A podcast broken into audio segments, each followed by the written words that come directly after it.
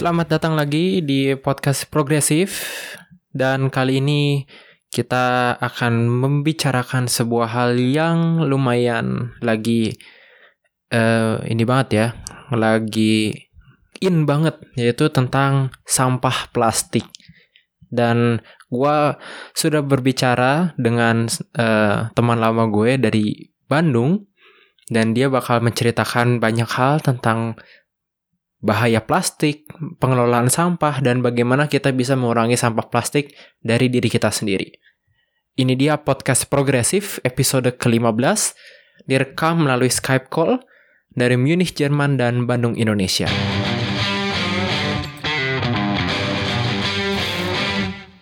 So, kembali lagi di uh, podcast progresif, dan gue udah bersama dengan seorang narasumber yang bisa dibilang kawan lama gue, mantan kakak kelas gue waktu SMA. Um, dan dia sekarang aktif di bidang lingkungan, terutama masalah uh, sampah dan lebih pen lebih pentingnya lagi adalah sampah plastik. Uh, halo yang di Bandung. Halo, halo Evan. Jauh sekali um, ya nih podcastnya. iya. Boleh kenalin dulu namanya siapa? Oke, okay, gua Yobel, um, Yobel Novian Putra, biasa dipanggil Yobel. Gua di Bandung, uh, sekarang sedang, ya tadi sempat Evan bilang juga, sedang bekerja di bidang lingkungan, khususnya terkait pengelolaan sampah. Beberapa beberapa memang lebih banyak soal plastik, tapi sebenarnya uh, nggak cuma plastik. Kurang hmm. lebih gitu.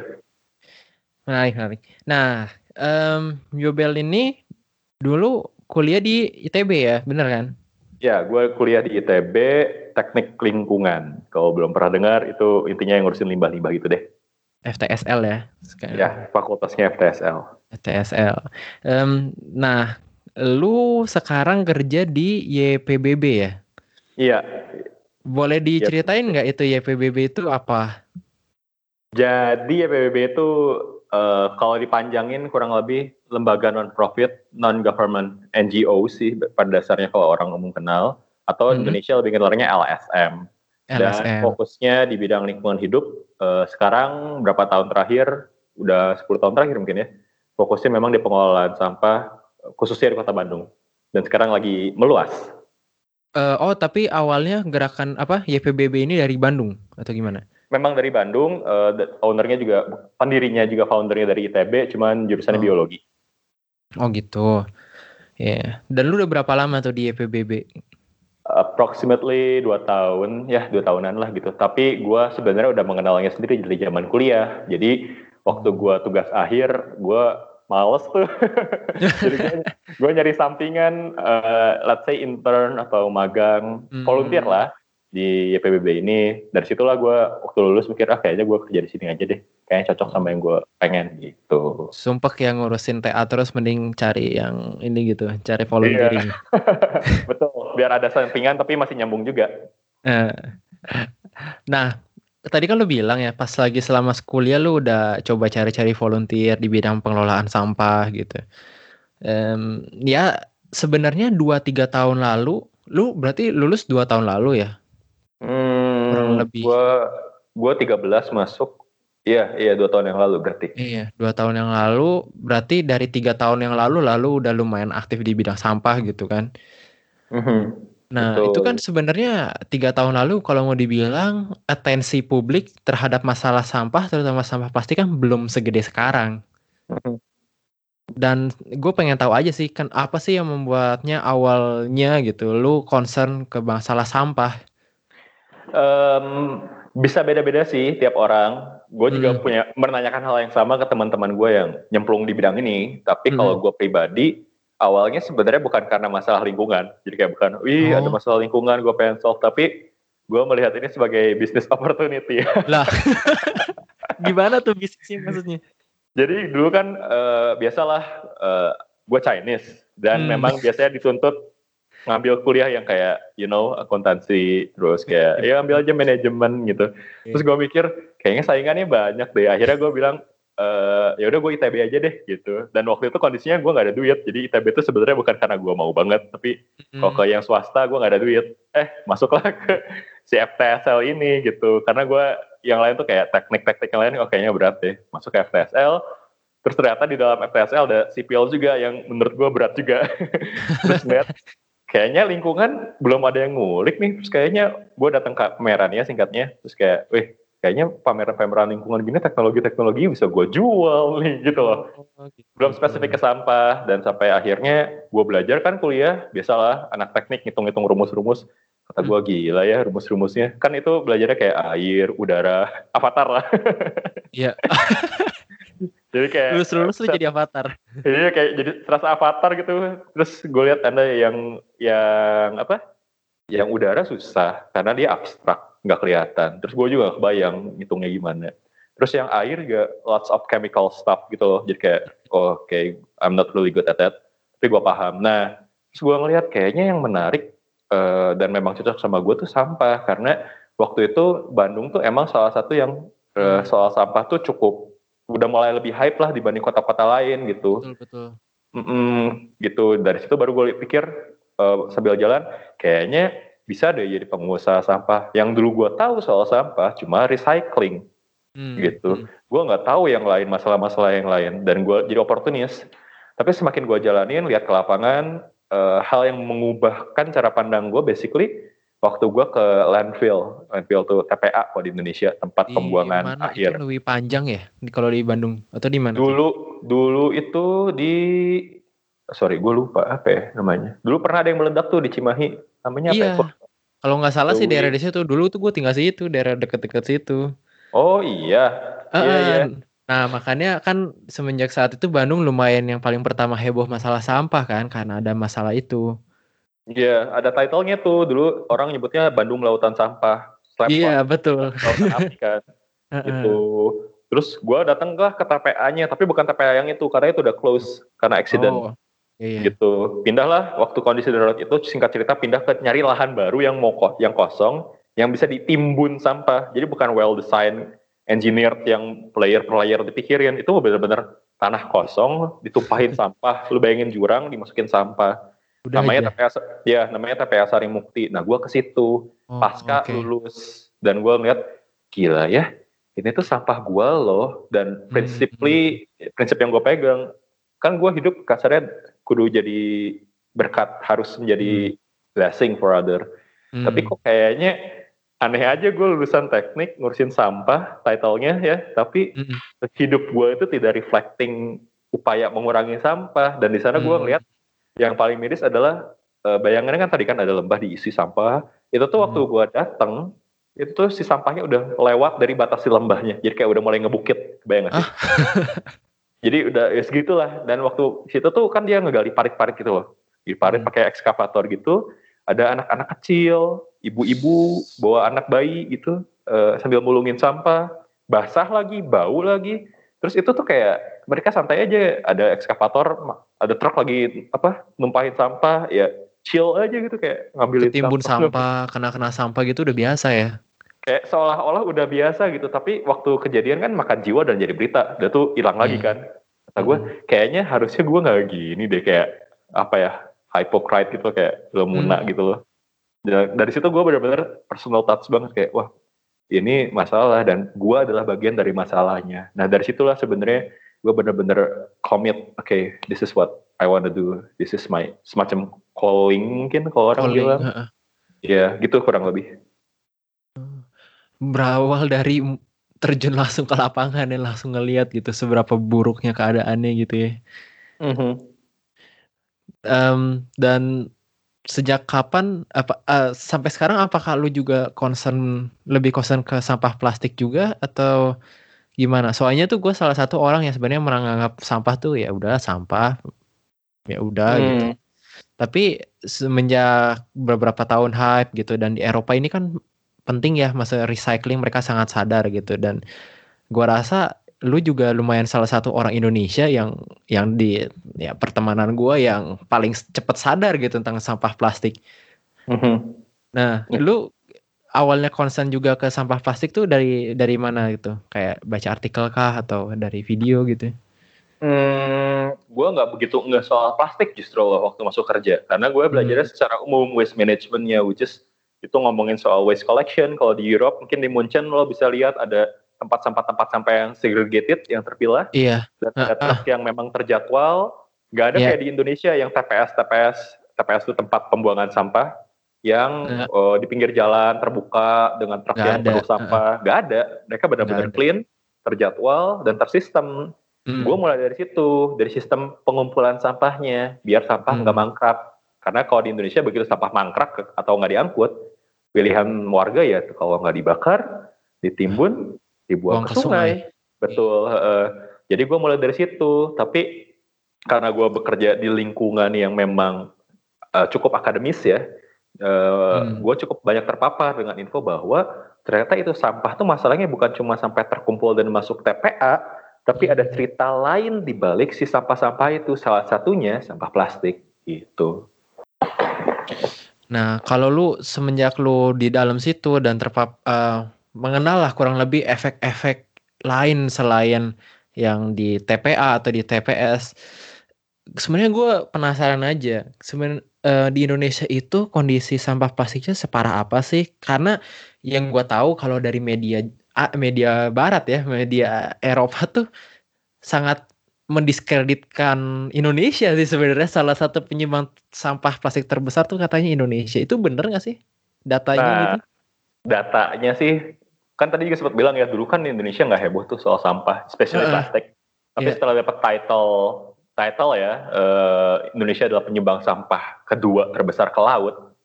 Tahun Setelah? 2000, setelah, setelah Cina, kalau gua nggak Oh. salah. Heeh. gitu. Jadi itu tuh ada beberapa negara yang dibikin studinya sama eh, Jenna Jembek. Nanti gue bisa share juga linknya mungkin. Eh, nah dia Boleh tuh nanti gua share. ya dia bikin semacam modeling dan modeling itu sebenarnya cuma mengcount sampah pesisir gitu. Jadi asumsinya kalau orang ada sampah dibuang di pesisir masuk sungai eh, dan masuk ke laut gitu. Nah itu tuh baru counting itu. Jadi title kedua Hmm. terbesar itu baru dari situ. Padahal eh, Indonesia ternyata nggak cuman dari laut eh dari sungai kita doang loh, tapi Hmm. juga dari arus laut negara lain. Jadi sebenarnya eh, beberapa negara yang ada di sekeliling Indonesia ini sampahnya tuh mengalir ujung-ujungnya ke beberapa gyres. Gyres itu apa ya? Kayak ada usaran laut lah gitu yang Oh. mengakumulasikan sampah. Makanya kalau kita nonton di film-film yang sampah plastik ngapung itu, itu Iya. tuh sebenarnya yang di sekitar Indonesia bisa jadi bukan dari Indonesia gitu. Hmm. Tapi secara riset dibilang memang mostly sampah Indonesia itu di sini gue ada datanya nih, kurang lebih dia eh, berapa ribu metrik ton ya ini ya? 3 sampai 5 ribu metrik ton gitu. Tapi kalau gue lupa data rincinya, cuman gambarannya kalau kata orang bisa sampai satu truk sampah masuk ke laut setiap detiknya. Sorry gua heboh. Setiap detik satu truk sampah. Ya kurang lebih kalau dihitung jadi satu truk sampah, ya ukurannya gue tidak spesifik sih, tapi Iya. kurang lebih bayangin lah satu truk sampah yang nggak terlalu gede, mungkin sekitar 8 ton sampai 12 ton, kalau standar di Indonesia itu eh, masuk ke sungai, eh masuk ke laut Indonesia. Indonesia gede banget anyway, jadi ya I think itu wajar sih. Ini, ini Wajar gue dalam tanda nemu, kutip ya. ini gue nemu nih. eh an- ya antara 3 sampai 5 juta metrik ton. Yap, yap. Juta loh. Aduh. Jadi em, apa Itu- efeknya? Itu bukan, itu sorry data itu kalau gua nggak salah itu globally sih memang. Hmm. gitu. Tapi kalau Indonesia di sini ada dia eh, sebut dengan coastal population yang 180 juta, Juta. eh, dan tidak terkumpulkan itu hampir 80%. Jadi sampah keluar dari rumah yang benar-benar terkelola masuk ke sistem pengumpulan, didaur ulang dan lain-lain. Let's say itu cuma 20%. 80%-nya lolos. Nah, yang lolosnya itu yang tadi yang kurang lebih 3 juta metrik ton per tahun. Itu Indonesia ber- aja Itu yang lolos. yang Maksudnya lolos, betul. yang lolos. Belum yang yang yang yang gak lolos kan berarti kan ya tambah lagi seperempat lagi lah ya. Berarti banyak banget tuh sampah sampahnya orang Indo. Iya, eh, tapi nanti teman-teman bisa baca juga sih di eh, reportnya Jenna Jembek ini dan memang kalau di search cari aja Jenna Jembek plastic waste input from lands it- eh, into the ocean itu langsung keluar dan banyak banget yang review itu dan itu 2015 modelnya. Jadi kalau diupdate lagi mungkin bisa lebih fantastis, fantastis lagi sih ya. eh. Hmm. Nah, dari sampah-sampah ini nih, apa efeknya sih sebenarnya buat lingkungan ya Indonesia gitu? Um, kalau kita bicara spesifik plastic waste, plastik memang, ya benar. Ya, plastik ini kan pada dasarnya kan petroleum. Hmm. Arti kita kenal sih sekarang ada yang bioplastik kalau pernah dengar. Tapi hmm. mostly yang jadi masalah sekarang yang lagi masuk ke laut itu adalah yang based on fossil fuel yang hmm. dari minyak bumi. Nah kadang-kadang kita nggak ngeh loh botol plastik yang kita belanja gitu kalau di Indonesia di Alfamart di mana itu tuh fossil fuel loh gitu. Fossil fuel tuh apa jadi hasil saringan bahan bakar minyak juga gitu ya? Jadi dari sama-sama ngambil dari minyak bumi, tapi hmm. kayak ada beberapa yang jadi bahan BBM, bahan bakar minyak, solar dan lain-lain. Tapi ada fraksi hmm. lain yang jadi packaging gitu. Hmm. Gitu. Hmm. Dan itu uh, fossil fuel itu berbahaya buat apa? Plastik itu berbahaya buat lingkungan gitu. Um, mungkin perumpamaannya gini. Proses dia jadi plastik tuh gimana sih? Itu yang teman-teman mungkin belum belum sempat banyak yang cerita tuh. Dia kan hmm. kan dari fossil fuel dibawa dari satu kilang minyak terus dipindahin ke satu tempat petrochemicals yang dia bakal di add some additives uh, chemical ya chemical additives dan dia di form di mold jadi satu kemasan, let's say itu botol plastik. Dan yeah. botol plastik itu dikirim ke rumah kita atau ke toko-toko dan kita pakai dan kita buang sekali pakai. Kan kurang lebih yeah. itu ceritanya. Nah, yeah. tapi kita sebagai konsumen nggak tahu loh si plastik itu tuh bisa jadi warna biru atau bisa transparan, bisa plastis. Itu gimana ceritanya? Karena nggak semua plastik tuh plastis, bener nggak? Hmm, betul betul. Gitu. Ada yang hancur ya udah. Ada yang hancur ya udah, tapi ada juga plastik yang rigid. Jadi yang memang ditambahin sesuatu sehingga dia rigid, yang kita sebut aditif gampangnya gitu kan. hmm. kan. Nah, itu yang sebenarnya uh, mostly itu uh, toxic gitu. Oh. Kalau dari sisi chemicals. Jadi kalau teman-teman pernah lihat uh, kontainer makanan yang dia promotnya non BPA, mungkin yeah. pernah lihat. Nah, Betul. BPA itu bisphenol A yang sebenarnya dia adalah salah satu aditif uh, untuk membuat si plastik itu punya karakteristik tertentu okay. yang berguna untuk packaging. Nah, BPA ini uh, bahasa Inggrisnya tuh endocrine disruptor uh, chemicals (EDC). Jadi hormon eh zat kimia yang mengganggu hormon. Hormon orang, manusia. Hormon pertumbuhan betul. Jadi oh. itu tuh mungkin kalau kita yang make udah gede, relatively tidak terasa ya tapi hmm. untuk anak-anak bayi yang masih hormonnya bertumbuh, itu bisa menyebabkan dampak yang cukup signifikan. Makanya hmm. sekarang dot-dot bayi yang buat milking atau teething, itu kan yang buat gigit-gigit, yeah. mostly mereka promotnya silikon.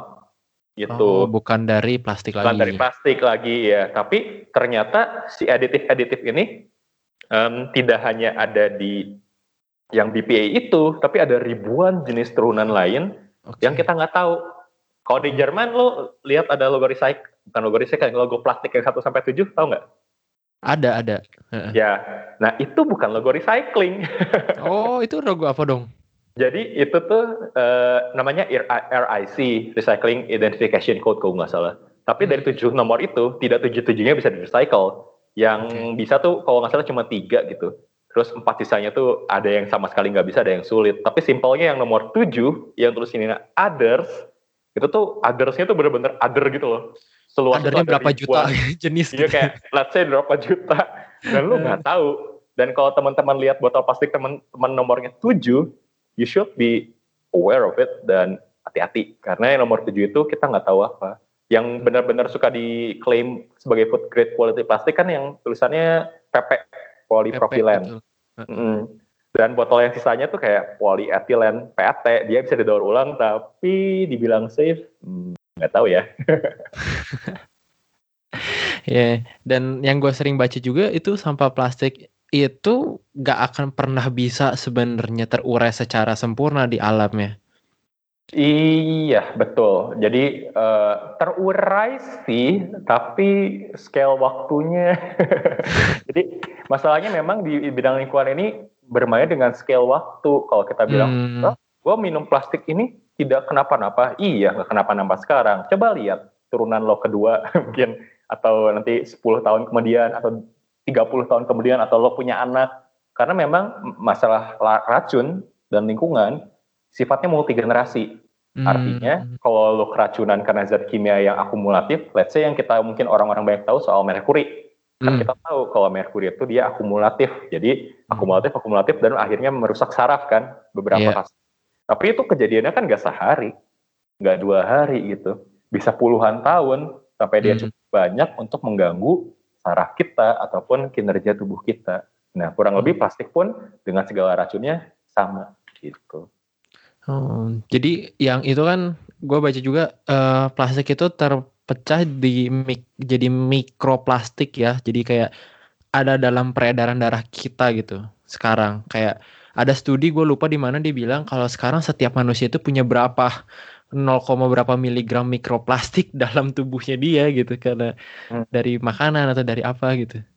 Iya, iya. Jadi memang itu yang yang jadi krisis makanya kenapa kalau kita lihat web-web yang global maksudnya misalnya UN mereka addressing bahwa isu plastik ini udah setara dengan uh, isu kemanusiaan sebenarnya ya bisa dibilang karena memang ini udah cross boundary lo bayangin udah masuk air dia kan sebenarnya uh, terurai itu gara-gara UV jadi plastik hmm. ini karena UV cukup lama di dalam air dan kondisi tertentu akhirnya breakdown jadi ukuran yang lebih kecil tapi breakdownnya bukan kasarnya uh, besi terus breakdown jadi senyawa yang lebih sederhana bukan ya cuma ukurannya doang yang mengecil gitu loh. Iya, iya. Nah si ukuran ini cukup kecil sehingga nggak kedetek nggak bisa kelihatan mata dimakan sama ikan ikannya dimakan lagi dimakan lagi dimakan lagi dan mungkin sampai ke manusia. Yang masalah adalah plastik ini waktu masuk ke perairan jadi kan tadi kasusnya kalau di darat ya sebelum masuk ke laut si plastik ini ada yang ya let's say toxic ada yang ya mungkin nggak toksik atau kita belum tahu gitu ya. Tapi mm -hmm. let's say plastik yang masuk ini nggak toksik ke laut, ke sungai dulu misalnya. Terus yeah. dia breakdown, breakdown, breakdown, loh berarti mikroplastiknya nggak beracun dong. Hmm, ternyata nggak sesimpel itu karena yeah. si plastik ini tuh mikroplastik ini tuh kan berarti permukaannya cukup cukup luas ya karena sangat yeah. kecil, jadi luas permukaannya gede. Dia punya tendensi untuk mengcapture, mengabsorb bahasanya uh, chemicals yang ada di perairan itu dan notes-nya hmm. adalah di Indonesia mostly for Jawa uh, Citarum itu udah diklaim sebagai salah satu sungai terkotor di dunia terkotor, iya. betul yang isinya adalah limbah-limbah chemical dari tekstil dari pembersihan kimia gitu ya you know lah dan itu melekat di si mikroplastik itu hmm. dan kalau itu dimakan ya yang pindah mikroplastik plus racun yang dia absorb Gitu. Jadi mikroplastik itu kayak nyamuk DBD gitu ya? iya, mungkin bayangannya kayak lu bayangin kayak ada karbol tapi ukuran kecil banget, terus dia nyerap segala macam oh, racun. Iya, iya. Gitu. Itulah kurang lebih. Gila ya, berarti ini sebenarnya bukan isu yang main-main gitu. Setiap kali lu pakai kemas, uh, setiap kali lu beli minuman-minuman bubble tea, beli uh, minuman uh, ya kemasan botol dari uh, minuman di minimarket gitu. Lu sebenarnya menyumbang satu sampah lagi gitu ke mm-hmm, betul ke laut jadi, dan yang berpotensi meracuni lu juga gitu. Ya, jadi we are part of the problem sebenarnya. Terus hmm. kalau ada yang orang berargumen, nanti kan didaur ulang. Masa sih? Kumpulin aja syukur kalau di negara berkembang ya gitu apalagi didaur ulang gitu terus dari daur ulang juga kan kita nggak tahu dia didaur ulangnya ke mana atau jadi apa jadi memang mengerikannya adalah uh, kita nggak tahu proses sebelumnya maksudnya sebelum dia jadi botol yang ada di depan mata kita gimana dia dibikin kita nggak tahu dan sudah kita buang kita pun nggak tahu terus kalau hmm. lo bilang gue udah buang sampah plastik pada tempatnya how can you say that you are responsible? Karena lu nggak tahu apa yang bakal di-treat kepada plastik itu setelah lu masuk ke bin yang ditulisannya recyclable atau ada gaya hmm. segitiganya. Gitu. Hmm, jadi ya sebenarnya kalau mau lu aman, kalau lu mau yakin ya uh, kalau bisa ada sistem yang menjamin itu kalau lu masukin ke ini udah pasti 100% bakal di recycle gitu kan. Iya, dengan catatan recycle pun ada limitnya. Nggak selalu dan selamanya plastik-plastik itu bisa di recycle. Jadi ada hmm. tahapan tertentu, mungkin si plastiknya udah cukup sering di recycle sehingga grade-nya turun. Jadi hmm. recycle bagus, tapi di mereka punya limitnya gitu. Oke, okay. oke, okay, oke. Okay. Nah sebenarnya gue penasaran doang sih. Ini kalau plastik di recycle, apakah mereka tetap produce plastik baru atau recycle plastik yang lama atau gimana sih? Lu ada tahu insight gitu ini nggak tentang iya. recycle? Jadi beberapa hmm, menarik sih ini. Jadi agak-agak politis juga mungkin ya. Eh, Jadi apa -apa. beberapa industri plastik itu sebenarnya kan di backing oleh industri yang memproduksi plastik baru. Bayang nggak sih? Hmm. Jadi mereka bilang misalnya ya nih kita sudah membuat recyclable product buat botol minum kita. Tapi di sisi lain dia tetap produksi plastik yang baru. Baru, iya. Jadi biar tetap nge-recycle dan ingat ya memajukan rate recycle ini sangat tergantung dengan rate pengumpulannya si plastik dari tempat hmm. sampah lo kalau di tempat hmm. sampah gitu kan udah mah kita tempat sampahnya sendiri nggak jelas sistem pengumpulannya hampir nggak ada di beberapa tempat jadi rate ini tuh naiknya pelan banget kondisi sekarang hmm. itu. Hmm. Nah, udah itu terjadi dan ternyata nggak semua plastik bisa didaur ulang. Kenyataannya kayak gitu. Makanya lo masih bisa ngelihat ada bungkus-bungkus snack, oh. ciki gitu itu yeah. juga plastik kan. Yang yeah. mamang pengumpul atau pengepul nggak mau ngambil karena memang hmm. tidak bisa didaur ulang. Atau sase-sase kopi, sase-sase deterjen yang sama-sama plastik tapi tidak bisa didaur ulang. Gitu. Berat sebenarnya berarti banyak banget PR-nya gitu ya kalau di bidang uh, pengaturan, di bidang sistem gitu. Mm-hmm, betul. Dan gue penasaran aja, gue biasa selalu nanya nih ke beberapa uh, bintang apa bintang tamu gue. Kalau lu nih ya besok jadi Menteri Lingkungan Hidupnya Indonesia nih yang ngurusin sampah gue tau lah banyak yang pengen lu ubah pasti karena lu juga udah berkecimpung apa tahunan di sini. Tapi apa hal yang paling pertama, yang paling mendasar yang lu mau bilang, oke okay, mulai besok gue bakal jalanin A, apa tuh?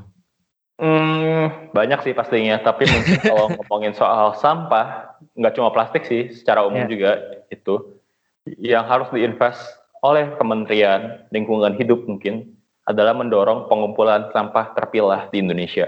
Karena hmm sekarang tuh kayak oke okay, sudah stadium 4 kanker kalau kata orang-orang persampahan di Indonesia itu. Kita bikin aja teknologi yang besar seperti di Eropa dan kita bakar atau kita rubah jadi apa gitu. Tapi tidak menyelesaikan masalah apa pun sebenarnya karena sis pembakaran itu pun membutuhkan jenis sampah yang sangat kering, yang cukup tinggi nilai kalornya atau nilai pembakarannya, sedangkan sampah kita tercampur yang isinya juga ada sampah makanan yang basah ya, jadi nggak dibakar sangat tidak efisien gitu. Jadi kalau bisa ya itu kebijakan seluruh Indonesia investment paling utama bukan di teknologi dulu, tapi di sistem pengumpulan terpilah. Dari situ baru kita maju ke teknologi-teknologi. Dan sebenarnya kalau ngomongin teknologi nggak usah ribet sih, karena teknologi pengolahan sampah secara umum kalau sampah organik tinggal dikompos. Dari dulu juga udah ada ngompos-ngompos. Kalau buat sampah plastik, nah ini yang memang harus diregulasi. Tapi I think memang nggak bisa cuma mengandalkan teknologi untuk masalah itu. Gitu. Benar apa? Pemilahan sampah juga berarti dong kayak beneran konsekuen gitu. Yang mana yang organik, yang organik, yang kertas yang mana, yang ini yang mana harus juga konsekuen gitu ya. Mm-mm, betul betul. Jadi uh, kita nggak bisa ngelihat sampah ini sebagai sampah. Oh organik ya udah organik karena kalau kita bilang organik aja di dalam masih ada tulang, ada daun, yang sebenarnya mereka punya hmm, kecenderungan untuk ditreat dengan cara yang berbeda gitu. Sama dengan sampah plastik, nggak semua sampah plastik tuh bisa didaur ulang dengan cara ataupun teknik yang sama, atau sesimpel kalau orang suka campaign sekarang di Indo soal sedotan. Nah iya itu gimana tuh menurut lo? Lu oke okay deh, oh iya sedotannya kita kumpulin kita daur ulang, good thing, tapi gimana cara lo memikirkan pengumpulan sampah sedotan yang sekecil itu dan seringan itu didaur hmm. ulang? Hmm. Dan itu ada tanggung jawabnya di pemerintah ngumpulin sampah. Hmm. Hmm. Gitu. Ya, gue juga jadi keinget nih di di Jerman tuh dia ada uh, tempat sampah khusus bio. Nah tapi tulang nggak boleh masuk situ. Mm-hmm. Nah, tulang itu... tuh mah tulang masuk yang umum tempat sampah umum yang udah nggak bisa dipilah lagi. Nah baru dia nanti tempat sampah umum itu sama dia dipilah lagi gitu di yeah, di yeah. senternya gitu. Jadi emang memang gitu maksudnya kita di Indonesia milah dua aja nggak maju-maju karena emang fokus kebijakannya nggak di situ, cuma tertulis doang di atas kertas. Hmm. Jadi uh, memang kalau mau memperbaiki sistemnya paling mendasar kasarnya prasyaratnya adalah pemilahannya karena waktu kita bilang kita pilih jadi tiga artinya ada tiga teknologi yang berbeda atau tiga cara yang hmm. berbeda untuk treat satu-satu ini. Itu baru tiga. Kalau tadi aja organik udah ada tulang aja sendiri kan streamnya. Yeah. ya jadi kebayang ya organik aja khusus itu loh. Apalagi ini sampah plastik yang turunannya ribuan. Nah itu kan tapi ya kita ya gue nggak tahu lah mungkin siapa siapa tahu dari pendengar kita nih ada yang jadi menteri lingkungan hidup satu saat gitu kan. Amin, Amin aja. um, tapi apa yang menurut lo langkah konkret yang buat kita bisa kita lakukan nih? Se mulai dari sekarang untuk mengurangi polusi plastik, mengurangi polusi sampah di Indonesia. Um, ya pasti start with you ya, simple itu sebenarnya. Tapi start with what? Yang paling mudah adalah mengurangi penggunaan plastik sekali pakai. Bukan hmm. berarti dari tadi gue ngomong plastik berbahaya, beracun, bukan berarti semua jenis plastik dilarang ya. Yeah. Karena kalau gitu mobil kita telanjang, cuma kerangkanya doang. Pesawat kita juga kagak ada kursi-kursinya itu. Yeah. Tapi yang kita sekarang perangi sebenarnya ada yang sekali pakai, karena hmm. mereka dampaknya masif. Kalau tadi kita baru ngomongin racun, tapi sebenarnya ada hubungan juga sekali pakainya plastik itu dengan climate karena dia diambil dari fossil fuel gitu. Hmm. Jadi uh, it's a long journey yang memang peperangannya harus dilakukan dari berbagai titik. Tapi titik yang bisa teman-teman lakukan mungkin di agak akhir ya, kalau udah ngomongin sampahnya udah jadi, ya please be responsible, jangan buang sembarangan.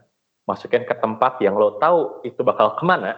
Kalau enggak, jangan pakai barang itu. Tapi kalau bisa, yang kita tahu juga kan reduce, reuse, recycle, please reduce it first. Gua pun kesulitan, gua udah hampir dua tahun gak makan Indomie karena hal itu. Dua tahun gak makan Indomie? Iya, uh, okay. kecuali sangat-sangat sangat terdesak dan hampir iya. mati yeah. gitu. Uh, di rumah gak ada makanan banget, itu pun dengan sangat penuh penyesalan. Tapi botol aqua gue udah gak pakai dua tahun karena gue tahu bahwa sampahnya gue ini dibakar di tempat hmm. tertentu. Misalnya di TPA nggak berharga kan dia nggak bisa daur ulang tuh bungkus Indomie yeah. gitu, dibakar dan you know what? Asap itu dihirup sama anak-anak kecil yang lagi main di TPH itu dan yeah. itu intoxicate atau meracuni si anak-anak ini dan masa depannya. Dan gue nggak mau jadi bagian dari problem itu. Gitu. Hmm. Ya mungkin dari situ sih teman-teman bisa lihat mana yang bisa gue kurangin. Tapi jangan be perfectionist juga. Step by step, long life learning dalam arti pasti ada salah, pasti ada kilafnya gitu. Tiba-tiba pakai plastik gak sengaja atau lupa tapi percaya deh, waktu teman-teman mulai, uh, one step is better than never moving at all. Oh, mantap banget. Ya, bag, apa kalau kita semua mulainya bareng-bareng, jadinya lebih ngefek ya dibanding kalau cuma lu doang atau cuma siapa doang gitu kan? Betul, betul banget. Luar biasa. Gak berasa banget udah setengah jam. Iya nih gak kerasa banget ya. Ngomongin iya ngomongin sampah plastik dan apa dampak buruknya dan apa yang bisa kita lakuin gitu kan.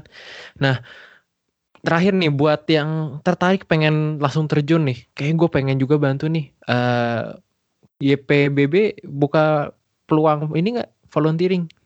Volunteering banyak. Uh, kita lagi punya kegiatan untuk anak apa studi timbulan sampah dan komposisinya. Jadi kita bagi sampah dari rumah-rumah itu jadi 80 jenis dan kita pengen 80. tahu. Yap, jadi kita pengen tahu uh, sampah yang mana yang bisa dikurangi atau harus dikurangi sampah yang mana yang masih bisa didaur ulang sampah mana yang memang ya kesannya itu harus dimusnahkan jangan sampai ada atau diproduksi. Um, buat tujuan kebijakan ada kegiatan kayak gitu beberapa juga ada kegiatan kerelawanan yang sifatnya mungkin membantu foto-foto untuk event-event hmm. kita gitu. Kita pun buka job vacancy tapi nggak harus anak teknik kok karena pada dasarnya ilmu lingkungan ini bukan yang sangat-sangat sulit kecuali lo mau bagian sainsnya yang hmm. penting lo mulai belajar dan mau tertarik, even lo anak komunikasi, anak sosial, we really need you gitu. Anak hukum pun hmm. sama gitu. Hmm. Um, dan gak cuma YPBB yang buka peluang kayak gini. Teman-teman bisa search aja di internet.